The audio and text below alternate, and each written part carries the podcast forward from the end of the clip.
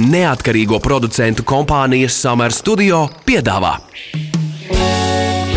Ķepa uz sirds par viņiem, mūsu pašiem labākajiem draugiem. Raidījumu atbalsta Borisa un Ināras Teterevu fonds. Esiet sveicināti, darbie Latvijas radio pirmā kanāla klausītāji. Raidījums ķepa uz sirds ir klāts. Mani sauc Magnus Eriņš. Mani sauc Inese Kreitsberga. Labdien, labvakar visiem! Mēs esam sākuši diskutēt savos raidījumos par to, kāds ir vispiemērotākais mīlulis cilvēkam senioram.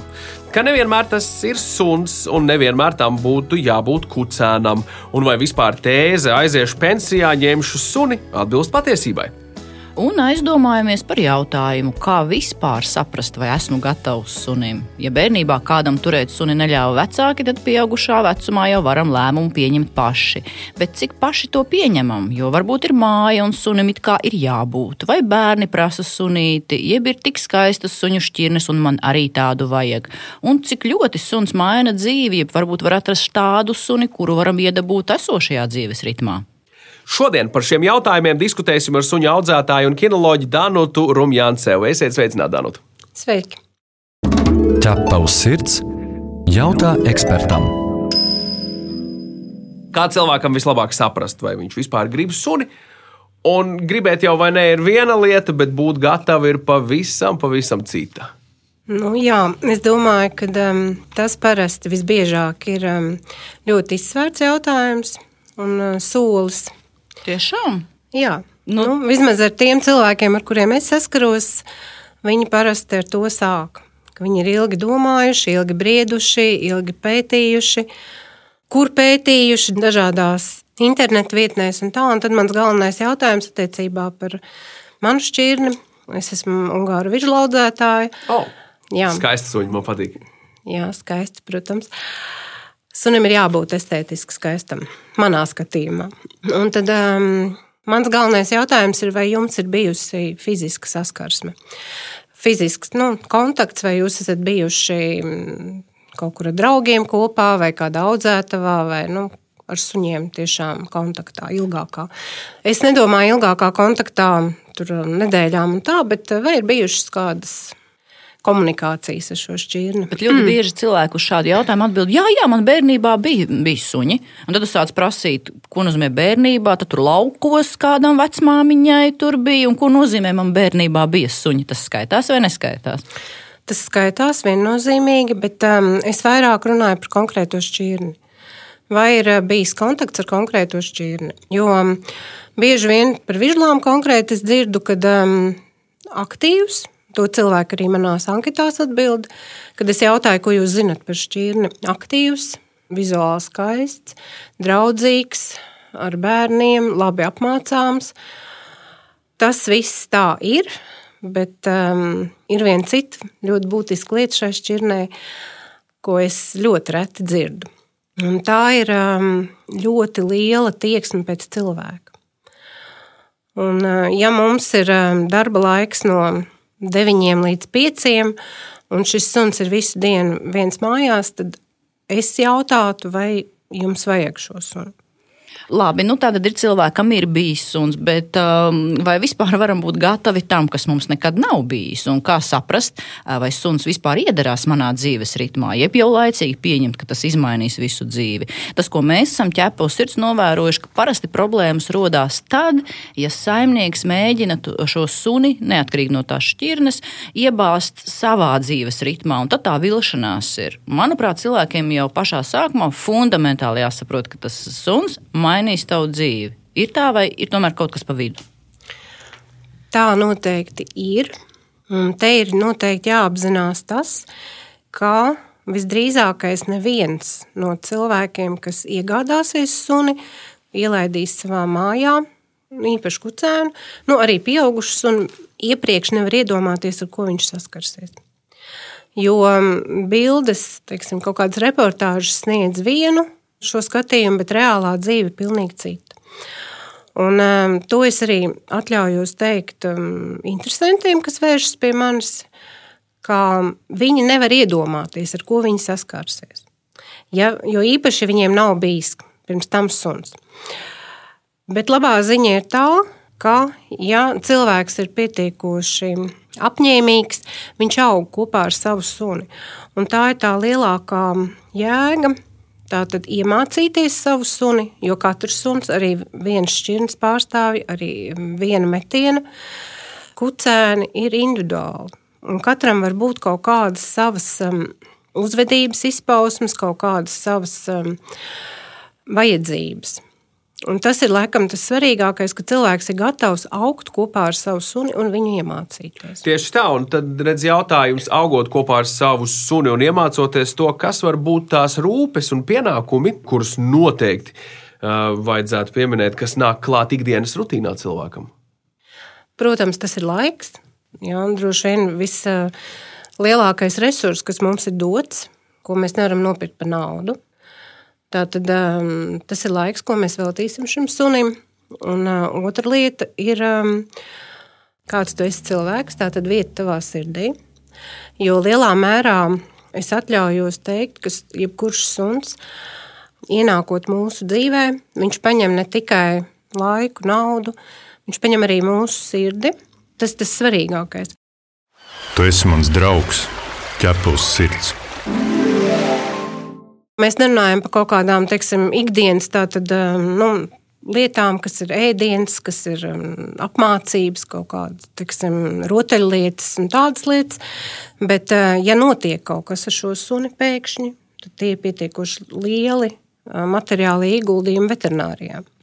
Manā starp citu atsevināšanas līgumā pirmais punkts ir līguma pielikumā, atvainojos. Ir, kad, ja sunim ir kaut kādas veselības problēmas, tad saimnieks noteikti vēršas pie certificēta veterinārā ārsta. Un viņi jau šo te izlasa jau domājot pie suņa iegādes. Bet par to laiku runājot, nu kā nu, cilvēkiem liekas, nu, uzpīpēt ar vienmēr laiks atrodas, bet, bet ar suni darboties, nu cik tas tomēr kā minimums jārēķina? Trīs stundas dienā, nu kā minimums, tas ir maz, daudz. Mēs nevaram tā rēķināt. Bet nu, cilvēkam būtu jāsaprot. Mēs nevaram rēķināt laiku. Kā jūs varat um, izrēķināt laiku, cik jūs veltīsiet savam bērnam? Redz, tam bērnam kaut kā cilvēki rēķinās, ka viņiem būs jāvelta, bet tam dzīvniekam bieži nevēl nu, tad, laiku. Tas ir viens no karodziņiem, ka jūs tā kā mm, suni neņemat. Ja? Jo mm, tiešām tas nav ne interjera priekšmets, ne prestiža kaut kāda lieta, tā ir dzīva būtne. Uh, kur ar jums dzīvo kopā 24-7. Jā, bet sākumā jau visi uzņemās. Kurā brīdī jūsuprāt, tie cilvēki, kas padodas, kāpēc viņi padodas? Viņi nav gatavi tam, ka viss ir tik intensīvi un tas tomēr prasa vairāk laika nekā viņi ir paredzējuši. Kā jums liekas, kāpēc daudz cilvēku netiek galā ar šo suni, kad viņi ir paņēmuši? Jā, nu, diemžēl tādas situācijas gadās.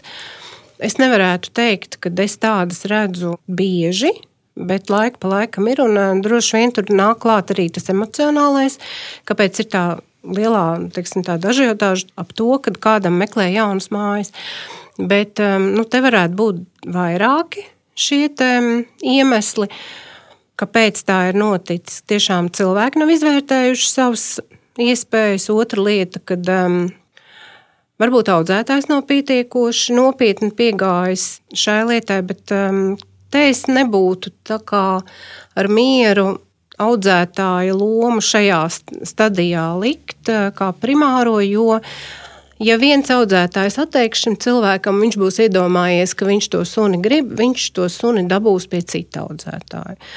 Un tad eh, jautājums ir atkal, cik tas cilvēks ir izdarījis to mājas darbu, kurš ir gribējis to suni. Jo nevienmēr ir tā, ka um, pie pirmajām grūtībām ir jāatsakās no suņa. Un, ja jums nav uh, nopietns atbalstošs audzētājs otrā galā, kas jums palīdzēs pāriet šīm krīzēm pāri, tad arī notiek tā, ka suns tiek atdots. Ķepa uz sirds, suņu būda. Kā būtu pareizāk jārīkojas situācijā, ja suni prasa bērni? Nu, vai ir kāda metode, jūsuprāt, kā pārbaudīt bērnu gatavību iesaistīties suņu kopšanā un audzināšanā, un vai vispār bērnam ko tādu var prasīt? Var prasīt.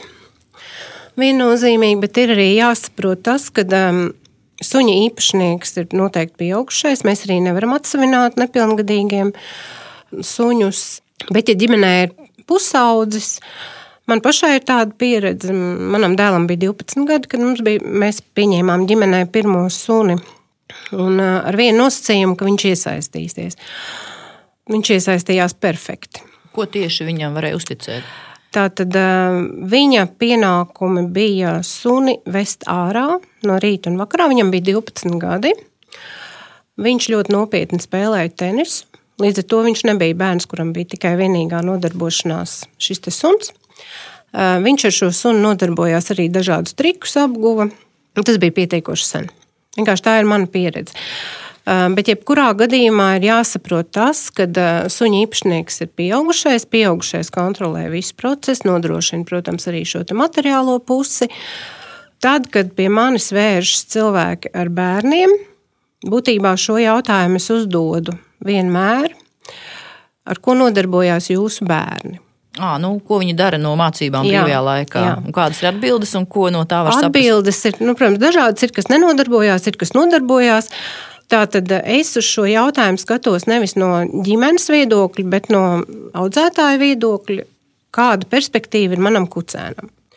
Jo visbiežāk, ja tie cilvēki nodarbojās ar savu bērnu, tātad nu, ievada viņu kādos pulciņos, kādās nodarbībās, tad viņiem būs arī motivācija strādāt ar suni. Ja viņi ņem to suni ar domu, ka tagad bērns kaut ko sāks darīt kopā ar to suni, nu, visbiežāk nu, man ir vienmēr ir cerība. Cerība ir pēdējā. Bet nu, visbiežāk ir tā, ka nē tomēr nenotiek. Bet kā var pārbaudīt to bērna gatavību sunim? Nu, ir dažādas. Mēs esam dzirdējuši receptes, sākot ar to, ka braukt staigāt patvēršanas suņus sniegā, lietuvējā, ja, lai cilvēks saprot, ka tas tikai ne saulēnā dienā jādara. Vai, piemēram, bērnam likt, lūgt, piemēram, mēnesi katru dienu konkrētos laikos iz, izstaigāt perimetru vienam pašam bez suņa, lai saprastu, ka viņam tas būs jādara. Nu, varbūt ir vēl kādas idejas. Es nebūšu atbalstītāja šai vispār nevienai idejai, jo suni pērk pieaugušie ģimenei. Pieaugušiem to visu menedžē, jo ne, nedod Dievs nonākt tādā situācijā, ka vecāki pārmet bērnam, ka viņš kaut ko nedara. Nē, un trakākais, par ko daudz neaizdomājas, nu, labi, bērns izies ar to suni, bet nav jau teiks, ka viņš viņu pirmkārt varēs novaldīt. Otrs, ja pašam vai, vai viņas sunim uzbrukt cits suns, nu, nemaz tā, tā nevar bērnu laist vienu jautājums. Pašu. Ķepavs sirds skaidro faktus. Ir dažādas um, mājaslapas, kur var veikt tādu kā testu, lai noteiktu, kurš suns katram ir piemērots. Jūs varat atrast paši. um, nu, Tātad, ņemot vērā savu dzīvesveidu, prasības pret suni tā kopšanu, vai Danuta, vai var ticēt šādiem testiem? Mēs ar Magnus izpildījām. Man, man sanāca, ka man piemērots ir meksikāņu kailais terjeris. Magnus, Tas bija man trešajā pozīcijā ievietojies. Man pirmajā, pirmajā reizē, kad es pildīju testu, izspēlētais taksis bija mans labākais komponents. Jāatzīst, ka es esmu vairāk Nezinu, sev uzskatījis mēs... kā kaķu cilvēku. Bet mēs jau par suņiem runājam, bet man neliekas šis ticams tests. Bet, jā, es arī pēc tam papildīju vēlreiz, lai saprastu, vai tik tiešām man taksis vēlreiz izskatīs, un tad tur bija jau kaut kas jau pilnīgi cits. Nu jā, Danot, vai ir tādi parametri, pēc kā tu vari saprast, kāda veida suņi, jo pasaulē ir 400 suņu šķirnes, nu skaidrs, ka katrs var izvēlēties savēju un izskatam ir nozīme, var atrast gan kas patīk acīm, gan sirdī, bet kas būtu būtu jāvērtē izvēloties suņu šķirni, nu ne jau pēc tāda testa? Nu, testi ir um, izzinoši un jauki, jo, ja jums izkrīt konkrēts šķirnes, un varbūt tās viņas nav tās tipiskākās, tad jūs varbūt pameklēsiet um, kaut kur informāciju par tā. Tas ir arī tāds nu, izziņas process, jo tiešām šķirnes ir daudz. varbūt iepatiksies terjeri. Tieši tā. Būtībā, lai izvēlētos savu šķirni, ir jāsaprot, ka um, šķirnes ir selekcionētas tiešām vairākus simtus gadus atpakaļ kādam konkrētam darbam. Un tas, kad mēs šobrīd daudz no šiem darbiem nerealizējam savā ikdienā, nenozīmē, ka šīs šķirnes ir izzudušas. Viņas varbūt ir kļuvušas dekoratīvākas, noslīpētākas selekcijas, jau mūsdienu selekcijas gaitā, bet šo darbu ir jāpatur prātā. Otra lieta ir jāsaprot, priekš kā mēs ņemam to sunu, kāds ir šis mērķis. Nu, daudzi pateiks, nu, kompanions. Nu, man pat, sargs, sargs, sargs. Vai, sargs, nu, kompanions, man visu mūžu bijusi šis suņi, daudzi pateiks. Tie, kas daži vēl pat tur suņus pie ķēdēm, viņi pateiks, man patīk, man visu mūžu bijuši suņi. Jā, Kāpēc? Man, man sargā šķūni. Nu, mēs nu, tur droši vien nebūs runa par šķirnes suņiem, bet, nu, protams, ja mēs paskatāmies atpakaļ un arī salīdzinām ar mūsdienām, tad daudz šķirnes, kas šobrīd skaitās dekoratīvās, viņas agrāk pildījušas kaut kādu diezgan nopietnu darbu. Tie paši Yorkshire terjeri, piemēram. Ja? Vai levretes, kas ir zaķus medījuši. Kur un žurkas ķēra? veidā. Toitirieri vai tie paši? Nu, jebkurš, jebkurš terjeris būtībā var to darīt, Oi, bet terjeris nu, tātad šie mazie sunīši daudz, daudz to darīja. Vai mums ir tā žurkas šobrīd nodrošināt? Jā, bet kā izvērtēt? Nu, kā jūs ieteiktu, piemēram, iet uz izstādēm un nu, tautas valodā runāt, pataustīt, pacelt rokās, paglaudīt, lai tu saproti spalvas struktūru, parunā ar audzētāju vai izlikties par potenciālo pircēju un apbraukāt audzētavas un izlikties par potenciālo pircēju, lai tu varētu saprast, ar kādu suni tev ir darīšana? Nu, izstādes ā, ir laba lieta. Būtībā ieteiktu mm, apmeklētājiem noteikti sagaidīt ringa beigas, un tad tikai doties pie kāda no noskatītajiem audzētājiem vai īpašniekiem. Lai iepazītos, jo tas ir diezgan stresains pasākums, visi uztraucās. Ja, tad mēs ejam tur sacensties. Un tad jau pēc ringa, tad jau var arī mm, veikt šo misijas darbu un iepazīstināt tā ar šķirni. Ja. Bet ir jāsaprot arī tas, ka izstāde ir stress ne tikai cilvēkiem, bet arī suņiem. Jo mūsu suņi ļoti piesaistās mums. Un tur ir daudz suņu, un skaļš un, un tā. Nav slikta doma apbraukāt audzētājus, iepazīties ar cilvēkiem un iepazīties ar viņu suņiem. Jo būtībā jau suns ir mūsu spogulis lielā mērā. Un katrs cilvēks izvēlās to šķirni mm, apzināti vai neapzināti, kur viņam ir veseliski, varbūt nu, radniecīgi. Ja? Un es arī aicinu savus potenciālos teiksim, interesantus atbraukt pie mums, pastaigāt pa mežu. Pastīties to ātrumu, pastīties to jaudu, kas ir suņiem klātienē, nevis tikai pēc internetā izlasītā, ja, vai teiksim, pēc bildēm redzētām. Un, um, protams, šādā komunikācijā vislabāk var uh, saprast, um, cik tas cilvēks, kurš jums atsevinās to sunu, ir kompetents, cik viņš ir um, entuziasts šajā lietā, cik viņš redz vispār laukumu. Atgādinām, ka pie mums studijā šodien ir suņa audzētāja un kinoloģija Danuta Rumjānceva. un Mēs diskutējam par to, kas jāzina, vai esam gatavi sunim un kā saprast, kura šķirne ir piemērotākā. Šo radio pārraidi, protams, varēsiet dzirdēt arī podkāstu formā populārākajās straumēšanas vietnēs, kā arī arhīvas sadaļā mājaslapā www.ķepauzsirds LV. Tu pazīsti kādu īpašu dzīvnieku draugu? Tavs kaimiņš vai kolēģis palīdz nelaimē nonākušiem suņiem un kaķiem? Varbūt kāds suns vai kaķis izmainīs tavu pašu dzīvi. Raksti mums, un mēs pastāstīsim šo sirsnīgo stāstu pārējiem klausītājiem. Iedrošināsim arī citus izdarīt kādu labu darbu. Gaidām jūsu vēstuli uz info atķepa uz sirds LV. Nu, tad runājot par, par tiem saimniekiem un cilvēkiem, ko tad joprojām cilvēki nesaprot par suņiem 21. gadsimtā? Jo mums jau teorētiski viss vajadzīgais ir, lai izprastu, saprastu, noskaidrotu, uzzinātu, bet kur mēs fundamentāli kļūdāmies? Jo starp citu informācijas tagad ir iespējas atrast vairāk kā jebkad. Kāda cilvēka pirms 50, 60 gadiem meklē, bet tagad internetā taču ir viss, bet man liekas, tik daudz, cik tagad cilvēki varbūt tās kļūdas pieļauj, bet tā varbūt ir mūsu kāds novērojums tikai. Nu, es varbūt um, varētu minēt to, atkal atgriezīšos pie tā, ka cilvēkam ir kaut kāda sava uzbūvētā bilde, iedomātā, kāds tas suns būs. Bet tad, kad viņš realitātē šo sunu saņem, tad um, ir jāpaiet kaut kādam laikam, lai viņš saprastu, ka um, viņam pašam ir daudz jāmācās, lai viņš ar šo sunu kvalitatīvi būtu kopā. Jo, um, ja jums kāds teiks, ka jums nebūs nekādas problēmas ar sunu, tikai pērkiet viņu, tad, um, ja jūs meklējat atbildīgu pieeju, tad noteikti griezieties apkārt un dodieties tālāk. Jo, nu, es teikšu, varbūt tā tautas valodā čakars būs jebkurā gadījumā. Tā tad kucēni ir ļoti ātri. Es jau minēju, ka tā tad. Neviens nevar iedomāties, ko viņš saskārsies, jo īpaši viņam nav bijuši suņi. Ja šķirne tiek mainīta, atkal viss sākās no jauna. Man ļoti bieži ir tā, ka man ir īpašnieki maniem kucēniem, kuriem ir bijušas citas šķirnes. Un, protams, ka viņi pēc kāda laika saka, ka pilnīgi kaut kas cits. Gan psiholoģiski, gan emocionālā ziņā, kāds ir šis suns, gan fizioloģiski.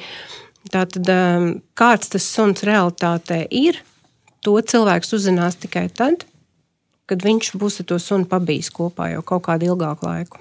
Es tieši domāju, ka to, ko jūs teicāt, ka tas suns ir saimnieks spogulis, un vai nav tā, ka kopā esot ar šo suni, cilvēks saprot pats, viņš sevi pašu ieraukā spogulī, vai viņš ir gatavs mācīties, strādāt, apmācīt, vai tomēr viņam negribas, viņš nevar sevi pārvarēt, un tas sanāk, ka viņš sevi jau redz. Tas jau ir tas spoguļa attēls, ne? Tomēr.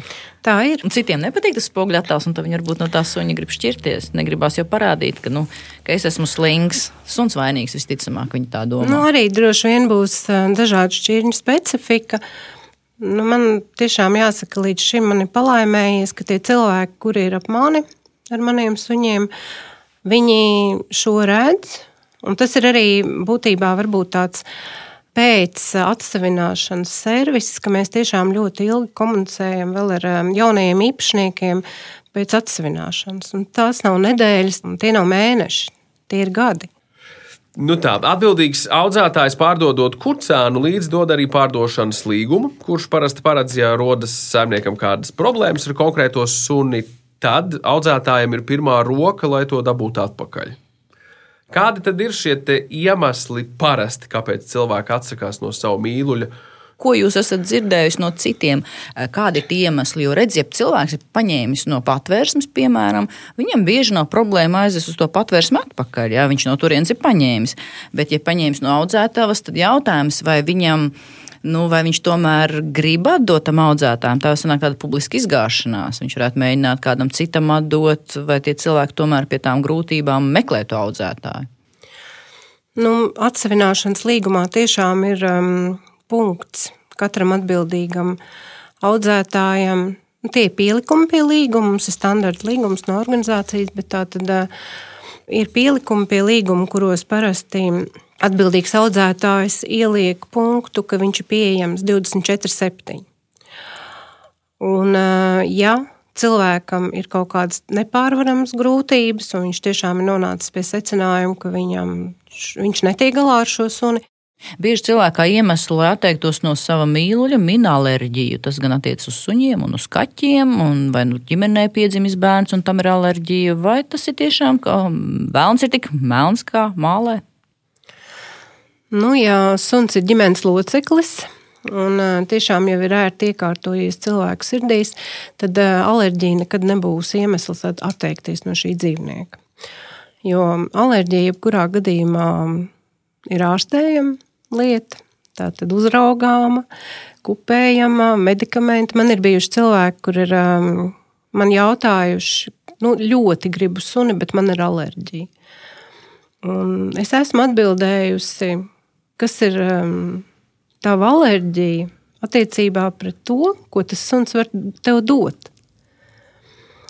Un jā, cilvēks ir paņēmis suni un pat vēl vienu franču buldogu konkrēti. Un pēc gada laikam nu, es saņemu vēstuli. Milzīgs tev paldies, ka tu man iedrošināji. Jo bieži vien tā, kad mēs tā kā uzliekam paši sev robežas, ka mēs nevaram, tāpēc, ka nevaram. Bet tas, ko mums um, suņi var dot, tas ir um, daudz vairāk par jebkuru alerģiju. Visur kopā - ķepus sirds. Kāpēc cilvēkam jāpārliecinās, ka viņš pērk šķirnes suni? Pat ja viņš saka, ka uz izstādēm neies, šī tēma ir ļoti, ļoti aktuāla. Manuprāt, tas ir tas, ko daudzi cilvēki joprojām nesaprot ka viņiem prasa par ciltsrakstiem, vai tas ir īsts šķirnes suns, kaut gan viņš ir gribējis bīglu vai raselu vai franču buldogu. Un, kad viņam jautā par ciltsrakstiem, viņš saka, man tos nevajag, es nemaz neprasīju, uz izstādēm taču neiešu. Varbūt iedodiet lūdzu savu skaidrojumu šim. Nu, ciltsraksts absolūti nav priekš izstādēm. Ciltsraksts ir tātad jūsu suņa izcelsmes apliecinājums.